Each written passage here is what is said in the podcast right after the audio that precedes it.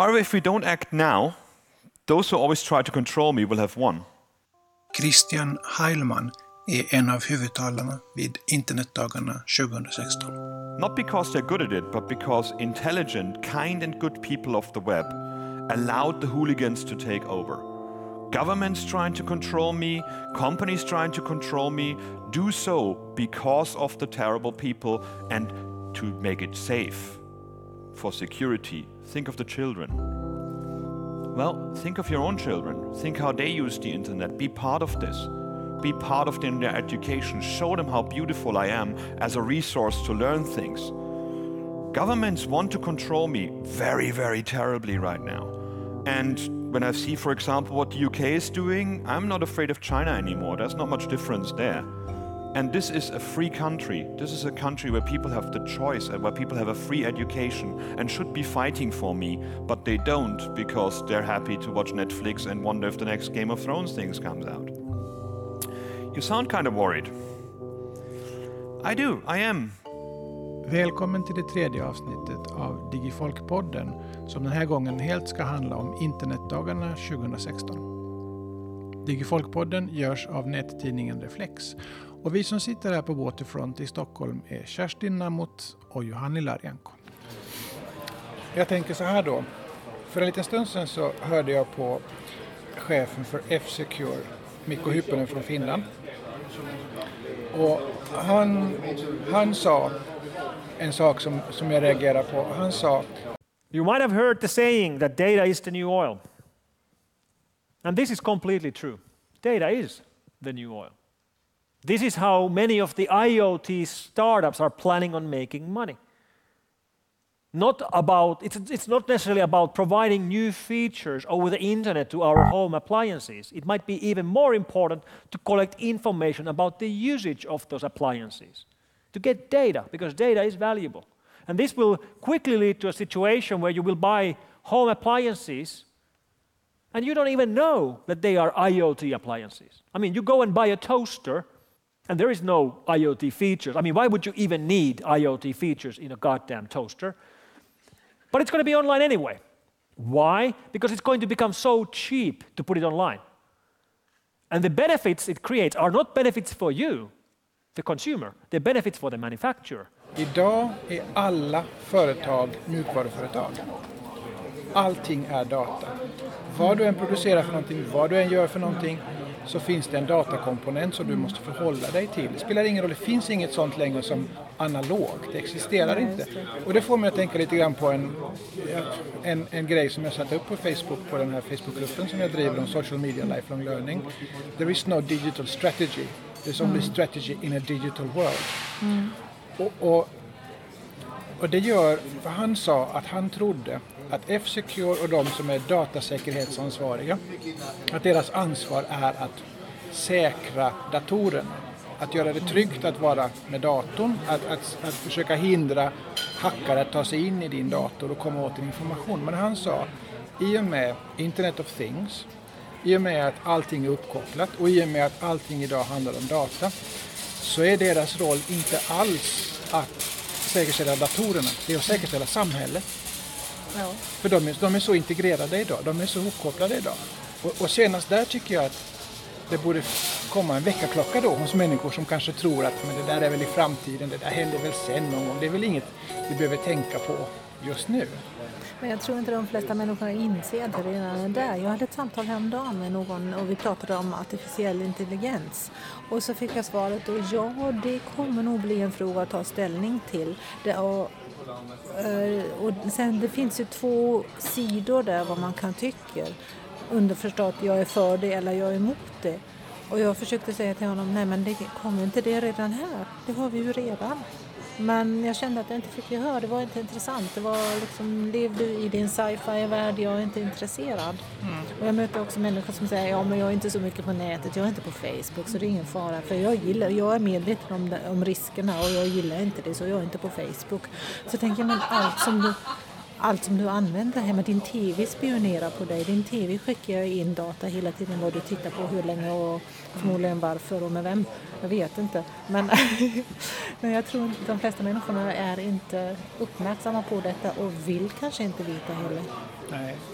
Jag var på ett annat seminarium som handlade om sociala medier och poängen där var att påminna oss om en så enkel sak som att Facebook, de är inte där för att vara goda, de är där för att tjäna pengar. Och, och de har blivit, ja men det glöms ibland bort därför att vad som har hänt, Facebook är 13 år gammal. Och vad som har hänt är att från att ha varit ett företag som skapade social interaktion ganska mm. nischat, att man kunde umgås med varandra, så är de man, man, man, gav uttrycket too big to fail. Mm. Idag så är Facebook och Twitter och Google, kanske framförallt Facebook och Google, de är så stora att de är en del av samhällsstrukturen. De är den digitala infrastrukturen. Och det är dit de vill komma för då är de ju oundgängliga för oss oavsett det faktum att man säger att ja, men de yngre hoppar av Facebook och så vidare. Jo, men de allra flesta finns fortfarande där. Användningen ökar fortfarande väldigt mycket. Och det man ser är att de vill nå ett nytt, en nytt form av beteende. De vill att alla ska stanna kvar på Facebook. Använda det, köpa saker, reagera på saker, få sin information den vägen och så, och så vidare. Och då är inte lösningen, det tror inte jag heller, att stänga av det och låtsas som att det inte Nej. finns. Eh, eller att vi inom folkbildningen ska säga ja men det där är så stora och svåra saker så det, det kan inte vi... utanför. Ja, vi håller oss utanför och så håller vi på med, med lärande istället eller diskuterar. Mm. För att, Nej, så funkar det inte. Alltså jag, jag tror att... Det är en del av samhället. Och, och det, det, var då en insikt för mig att, att om det här är en så integrerad del av infrastrukturen i samhället. Mm. Så då måste vi ta kontrollen eller påverka det. Mm. Vi kan inte, det går inte att stå utanför det. Mm. Sen är det väldigt tråkigt att det ska gå via hot. Eller via risker eller dystopier eller sådär, det kan jag tycka. Men Ja, i och för sig man har ju påverkat till en viss del genom det trevliga också. Det har förstärkt, förstärkt Facebooks beteende om man säger så. Att vad gillar folk? Oh, de gillar katter. De gillar katter, alltså kör vi katter och gör det möjligt att lägga upp små filmer och så vidare. Men det är hela tiden en eh, kommersiell intention bakom. Och det kan jag bli så förvånad över när folk reagerar väldigt eh, irriterat över när de väl ser att Facebook faktiskt är ett företag. Att de Ja, först blir de lite ställda och sen blir de sura. Men så får man väl inte göra. Det är ett företag, det är inte din bästa vän. Och, eh, eller din dagbok. Så ja, men vad ska man göra? Alltså jag, jag, tycker att oavsett vad det är, det, det, är inget som, vi behöver inte ta ställning till om vi ska ha det eller inte ha det, om vi ska lägga ner det eller vara mindre eller mer det. Det är en del av samhället. På samma sätt som jag rör mig på stan måste jag kunna röra mig i media. Jag måste alltid ställa mig frågan hur skyddar jag mig, men också hur njuter jag? Vad är bra? Vad finns det för gott? Och hur lär jag mig om hur allting fungerar? Mm.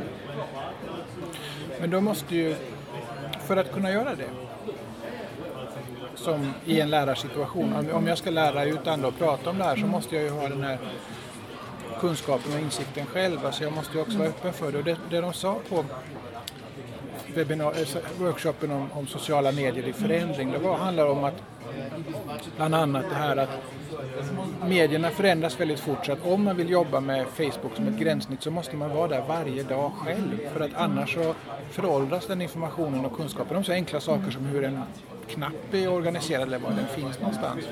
Så, så deras råd det var att vara väldigt aktiv, att läsa branschpress men också att sätta av arbetstid för lärande. Och det tyckte jag var lite roligt. Hej Simon Beijer! Jag hörde dig på internetdagarna under den här workshopen Sociala medier i förändring. Och du sa en sak som jag blev nyfiken på. Du sa att du har lagt in lärande i din veckokalender. Kan du berätta lite mer om hur du tänkte där? Ja, det är väl en del av min filosofi kring eh, det digitala, eh, den digitala utvecklingen framförallt. Att det, eh, det sker så väldigt mycket nya saker hela tiden och eh, ja, både liksom tekniska och pedagogiska och även i organisationer. Så att jag, min filosofi är att om, om jag gör samma sak som jag gjorde förra veckan, även denna veckan, så kommer jag inte utvecklas. Och då kommer min konkurrensfördel på marknaden. Jag kommer inte kunna ge lika mycket till eh, de kunder jag jobbar med eller till mina medarbetare. Och jag kommer själv inte känna att jag utvecklas. Så det, det är väl ett... Eh, och jag tror verkligen att man måste lägga in det i sin agenda. Att verkligen ha det som en fysisk punkt. För att annars blir det en sån sak som man skjuter på till ja, någon kick-off eller liknande. Men det räcker inte med en gång i halvåret utan det ska finnas med en eh, hela tiden tycker jag. Simon Beijer är Chief Strategy Officer på Engager som hjälper företag att skapa konkreta resultat från Facebook och Instagram. Under de senaste åtta åren har Simon arbetat inom en rad företag med fokus på digital strategi och marknadsföring. Han är också kursansvarig på Bergs School of Communication där han leder kursen Digital marknadskommunikation som riktar sig mot professionella. Jag har eh, mellan, eh, mellan tre och fyra varje onsdag. Det kan bli lite längre också. Men eh, då, då lär jag mig någonting nytt eller kontaktar någon som jag tycker inspirerar mig eller boka ett möte med någon som jag vill äta lunch med. Men då i syfte att det ska inte det ska egentligen inte vara någonting som ger mig någonting den här dagen utan det kan vara någonting som ger mig någonting om ett halvår eller men att man eh, ja, schemalägger sitt, eh, sitt lärande. För att, eh, min erfarenhet är att det blir att man skjuter på det väldigt man skjuter väldigt lätt på det för att det finns alltid viktiga grejer att göra. Men om man glömmer bort att lära sig och hela tiden utvecklas så ja, när man glömt bort det tillräckligt många gånger då har man till slut inte så mycket att bidra med. Har du fått dina kollegor med dig eller tycker de att du är lite konstig som sätter så pass mycket tid på något som inte ger direkt utdelning? Um, det finns nog en, en förståelse för vikten av det men det är klart att det är, det är fortfarande utmanande i organisationen att andra som jobbar mycket närmare leverans och så vidare. Jag har lyxen att jobba lite ett steg liksom bakom leveransen så att jag har inte så ofta så tajta deadlines men Eh, jag försöker skapa en förståelse kring vikten av att, eh, av att lära sig för att vi som organisation, inte bara för att det är skoj utan att, eh, för att man ska behålla sin konkurrenskraft men det är som allt förändringsarbete, det kommer att ta, det kommer att ta tid men jag hoppas att vi kommer lägga, jag kommer att lägga in utbildningar för mina medarbetare också under 2017 som gör att de, de måste avsätta tid för det för att lyssna på mig i det här fallet eller på andra. Ja, och det är ju det låter ju som manna i åtminstone mina öron att då finns det ju en roll. Sen är det hur du lär och vad du lär. Det, det är ju nästan nästa steg då.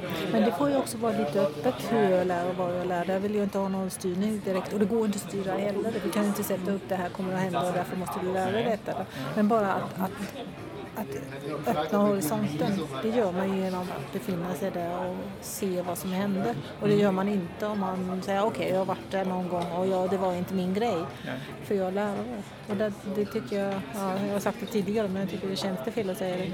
Vi kan inte ignorera en del av samhället och tro att vi är goda lärare när vi inte vet vad som händer.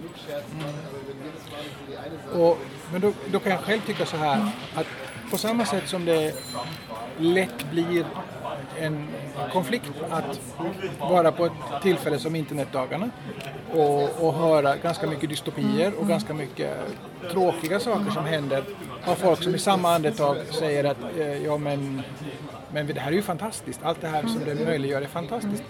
Så, så vill inte jag, jag tror inte, jag tror inte att det går att skuldbelägga till exempel lärare Mm. Att du gör för lite, du kan för lite, du vet inte vad du gör, du borde göra mer. För det, det, är att, det är att ytterligare öka på den här pressen på något sätt. Men jag vet inte, det svåra är att vända det till att bli en gemensam angelägenhet och en gemensam fråga. Mm. Här är någonting som vi inom folkbildningen kan ha en otroligt viktig roll att spela. Mm. Vi vet inte alla, vi har inte något svar som vi kommer att kunna leverera men vi kommer kunna spela en roll. Vi kommer kunna göra oss relevanta i ett digitalt samhälle. Eh, om vi tar oss den rollen och om vi erkänner att vi inte kan och vet allt. Om vi öppnar våra öron och börjar en dialog, både internt och också med aktörer runt omkring oss, tredje sektorn till exempel. Och, och då, det, då, kommer jag till den här biten att reflektera över hur jag själv är och gör. För, för det här att tala om det digitala eller bottar eller liknande, att gå på internetdagarna och höra föreläsningar är både inspirerande för att jag får höra sånt som är på gång och folk, jag behöver inte hålla med om allt jag hör. Men samtidigt så är det lite frustrerande för att det är ganska ytskrap och det är ganska... Det, det, blir en förstärkning av en bubbla på ett sätt. Att de som är här är ju alla rätt så övertygade om att det här är det viktigaste som finns och det roligaste som finns och så vidare. Och då, blir ju, då är risken att om jag sen ska komma och försöka övertyga dem som inte har varit här eller inte har upplevt de här sakerna då, då, ja, då tar jag i lite för mycket och målar lite för våldsamt med penseln. För att, ja, men nu fattar du hur kul det här är och vad spännande det här är och försöker övertyga och försälja och pitcha in någonting som ju egentligen borde vara ett gemensamt intresse. Där vi egentligen kan säga, ja, men ska jag ägna tid åt det eller ska vi ägna tid åt att bygga någonting tillsammans? Jo, sant, sant. Och det tror jag gäller alla eldsjälar, de som Det- är ute i folkbildningen som, som sitter och, och, och Ja, känner ja, det här. Opel ja. Ja, men det är ju grejen Ja, precis. alltså. Eller Ja. du vet vad, vad man nu sen då för tillfället tycker är viktigt. Ja. Och där tappar man ju också trovärdighet för då kan ju motparten bara säga ja, men jag, jag ser ju att vi inte är samma typ av människa. Du är nördig inom det här men jag är inte det. Så enkelt är det. Istället för att man möts på en gemensam plattform. Och det kan jag känna väldigt skönt med att komma till ställen som internetdagarna. Att där har man på ett sätt en gemensam plattform. Man slipper det där övertygande arbetet. Nu vill jag inte längre övertyga nå- någon att vara på Facebook för det är nästan alla idag. Men det är andra saker där jag tycker att vi bör engagera oss. Och här behöver jag inte övertala någon utan här är det mer vad borde man göra egentligen eller vad tycker du? Alltså det blir en, eh, en dialog på en gemensam nivå. Ja. ja, det stämmer. Den- känslan har jag också. Därför har jag velat komma tillbaka hit. För det är en... eh, Det är på något sätt en miljö där det inte ifrågasätts att är det här viktigt utan alla som är som, du säger, alla, alla tycker att det är viktigt och sen har de olika ingångspunkter om vi tjänar pengar eller hjälpa till eller de håller på med jag menar, vi är alla olika Men, men det är också intressant att se det här jättefältet av vad som händer. Där det, I tidernas myndighet så var med en hemsida på nätet och nu är det verkligen som samhället. Det finns alla, alla varianter. Mm.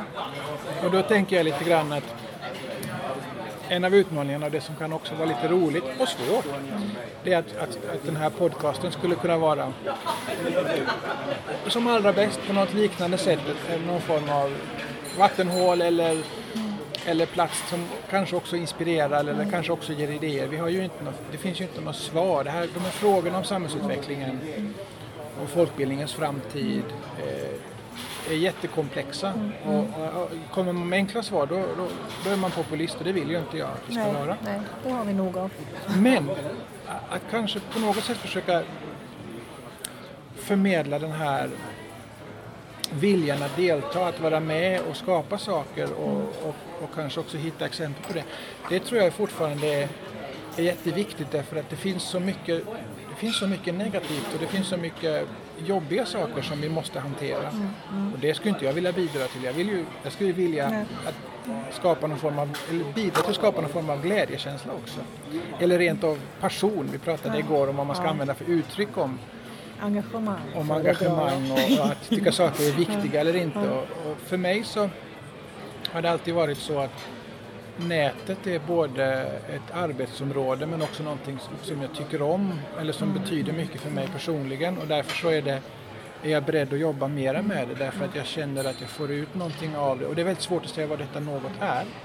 Men, men det har blivit en del av min vardag och mitt liv. Och det har förändrats under årens lopp. Förhållandet till nätet och alla tjänster på nätet, alla saker man kan och inte kan göra på nätet. Hoten har förändrats men grunden finns fortfarande kvar. Att, ja, men, Ja, alltså, ja, det här är ju så häftigt. Ja. Och det, det händer något hela tiden. Det är intressant att du säger att ditt förhållande till nätet, för mig är nätet också väldigt viktigt fast jag inte är någon tekniker, jag är inte duktig på teknik och så vidare och det har inte alls med det att göra. Och men det, när, när jag tar min dator, när jag varit ifrån datorn, så är det en känsla som att komma hem. Man öppnar datorn och man går ut på nätet och det är lite som att, att öppna ett fönster för jag kan se vad som har hänt, vad som händer utanför. På något sätt har jag min trygga miljö men det är alltid spår som leder vidare. Det är alltid trådar som går vidare och jag kan hämta in hela världen och jag kan snöa in på mina områden och det, det finns så många möjligheter. Hello, my name is Erica Joy Baker. Um, I am a senior engineer at Slack Technologies Inc. But more importantly, right now, I'm very scared. Um, I have to tell you that I was planning on giving a completely different talk when I came here. Um, about a month ago, you know, I had my slides all ready. I was ready to go. I was going to talk about diversity and inclusion because that's my thing. Um, but on November 8th, there was an election in the United States. And despite all polling and discussion to the contrary, a fascist won the election. A demagogue won the presidential election. a hero to bigots everywhere who is right now appointing white supremacists after white nationalists after white supremacists to his cabinet, won the election. And so I cannot, in good conscience, stand up here and give you my well rehearsed, very polished lines about diversity and inclusion in the tech industry because while I have the stage, I have to use it to talk about something way more important saving the world.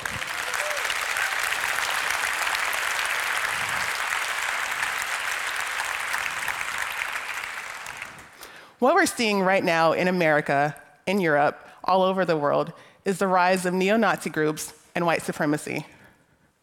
Now, I don't know if you can tell, but I'm a black person. Um, and white supremacists are not really my biggest fan. Um, what's happening has me worried about where I can go on this planet to be safe. And I'm not one to sit idly by and let things happen to me and the people I love and the people I care about. So I figured I need to protect the places that I hold dear. And the internet is one such place. The internet is the place I call home. It is where I spend most of my time. It is my country of residence. Jag trivs på nätet och med nätet. Och därför vill jag också vara med och gestalta det inom de ja, kontexterna som jag ingår i. Till det positiva. Så våra, precis, det är ju en fråga. Vad är det som driver oss? Vad är det som får oss, dig och mig och de som lyssnar nu och de som lyssnar sen, att göra saker på nätet, att vara på nätet? Vad, vad är det som, vad ger det oss? Vad är det som, du sa att det känns som att komma hem. Ja, det ska vi, det ska vi, det ska vi göra en podcast om, eller hur? Ja, men det tycker jag. Och gärna fråga lite andra människor Och, också och, det ja, men alltså, frågan går ju ut nu. Vad, vad, den, den, du som lyssnar på det här, vad, varför går du ut på nätet? Vad är det det ger dig? Vad är det, vad, vad, hur ser du själv på det? Reflektera över det. Det skulle vara jätte, jag är hemskt nyfiken. Ja. För det är ju inga rätta svar här heller vi är ute efter utan det är mera att det finns så många olika facetter eller orsaker som kan driva oss människor att göra olika saker. Nu hoppas vi att vi får jättemånga svar på just den frågan. Och ni når oss på folk, eh, nej, på hashtag folkflex på Twitter. Ja. Och, eller digifolk, hashtag digifolk. Ni når oss på Facebook, på Folkbildare på Fejen exempelvis. Ni kan också kontakta oss direkt där ni hittar våra adresser. Och det skulle vara jätteroligt om några ville vara med i podcasten nästa gång och bara väldigt kort så att vi ringer upp som ett gammalt slags radioprogram, gammaldags eh, radioprogram där man ringde upp lyssnare och så fick de berätta lite och så får ni berätta var, varför ni är på nätet, varför det är viktigt för er, om det är viktigt för er. Det skulle vara kul att få med lite lyssnare.